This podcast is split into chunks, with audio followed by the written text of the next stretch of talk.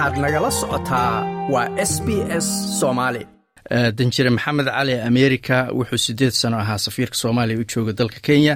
Waa qoraa samafale ka shaqeeya arrimaha nabadda dowladnimada iyo xasilooni ay hesho shacabka ama ay helaan shacabka soomaaliyeed. Wuxuu booqasho ku joogaa dalkan australia isagoo safarkiisa ka bilaabay magaalada melbourne. Stuudioga ayuu nagu soo booqday. Danjire waa mahadsantahay inaad maanta noogu timaado stuudio ku soo dhowow s b s xasan jaamacaad baa umahadsan tahay idaacadda s b s aan ugu soo dhaweyso waa kaaga mahad celinaya. Maalmo yar ayaad hadda joogtaa dalka waa markii kuugu horreysay ee aad australia timaada haddaana khaldanayn maxaa kaaga baxay dalkan ilaa iyo hadda? Muxuuse safarkaagu daarnaa? Australia inaan imaado waa haminayey muddo dheer ilahay waxuu ka dhigay inaan habeen hore halkaan imaado waan u mahad celinayaa jaaliyadda soomaaliyeed ugu horeeyo faarax warsame oo si fiican ii soo dhoweeyeen warka insha allah tacaala waana aadi doonaa magaalooyin kaloo fara badan oo aan la kulmi doono jaaliyadda soomaaliyeed ee ku dhaqan wadanka ku nool wadanka australia. Waa gartay buug aad qortay waxaa la yidhaahdaa danjire. Dabcanna waxaad rabtaa buuggaas inuu gadmo oo sheekooyinkiisao dhan halkan kuma soo koobi karno. Laakiin nuxurka buuggaas muxuu yahay? Buugga wuxuu ka hadlayaa saa sheegtay xasano waa la yirahdaa danjire.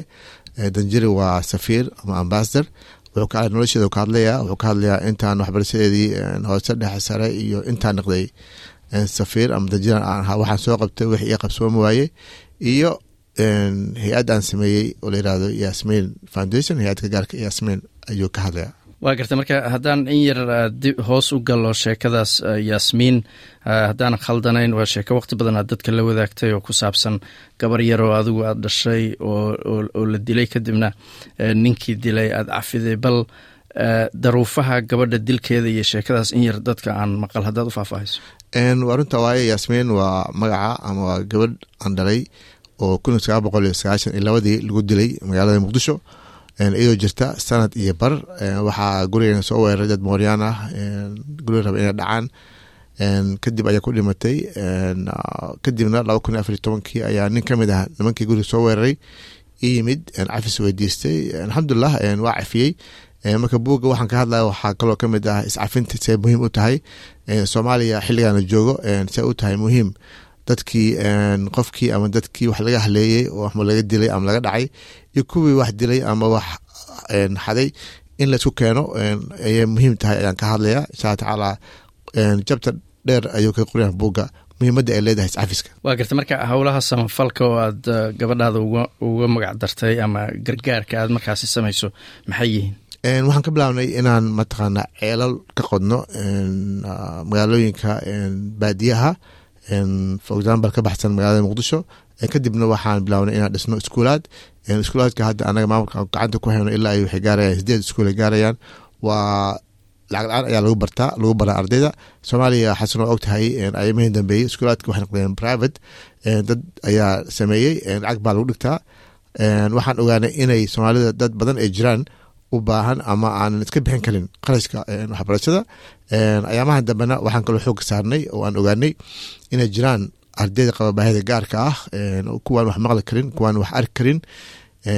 Oo u baahan iskuulaad iyagana waa dhisnay ilaa afar iskuul ayaan sameynay oo laba ay yihiin kuwaan ardaydan wax maqlaynin iyo kuwaan wax arkaynin xasan waa arkaysa hadalkii xataa waxaan kala leexanayaa inaan dhaho soomaalida si ay dadkaas u bahdilaan waxaa ka mid a in loogu yeero qofkaas aan wax maqlaynin la dhaho dhigoolo waaye ama waa indhoole marka ardadaas ayaan xooga saarnaa oo gacan siinaa oo aan ayagana wax u dhigtaa lacag la'aan waa ma jiraan tira koob lahayo ku saabsan dadkaas naafada ah oo ardada oo soomaaliya jooga iyo si loo ogaada baahidooda intay la eg tahay? Wala haddaa wadnaa insha alla tacala waxaan jeclahay sanadka dambe inaan soo saari doono. Laakiin anaga hadda iskuulaadkeena xamar keli kuma koobna. Waxaan kaloo hadeertaan bilaabnay sanadkan inaan gacan siino iskuol ay wax ku bartaan ardayda aan wax maqli karin oo ku yaalo magaalada garoowe ee puntland. Waan sii wada doonaa insha alla tacaala inaan sii kaalmeyno iskuulaadka fara badan. Waa gartay buuggaagu sidoo kale wuxuu ka hadlayaa arrimaha dowladnimada dagaaladii sokeeyo halka dalka hadda uu marayo. Maxaa ku tilmaami lahayd wadanku hadda xaaladda uu ku sugan yahay soomaaliya guud ahaan?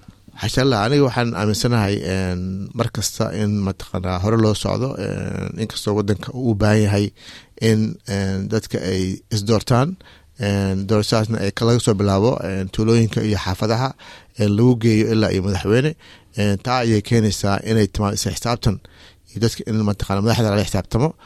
Waxaan ilaah ka baryaa inuu ilahay na gaarsiiyo ma dhow waa gartay inkastoo wadanka xaalado badan uu ku sugan yahy lakiin hadda arrimaha ugu dambeeya waa dagaalka lagu wado al-shabaab oo ay bilaabeen kooxo dad rayidoo macawisle loo bixiyey ciidamadu taageerayaan.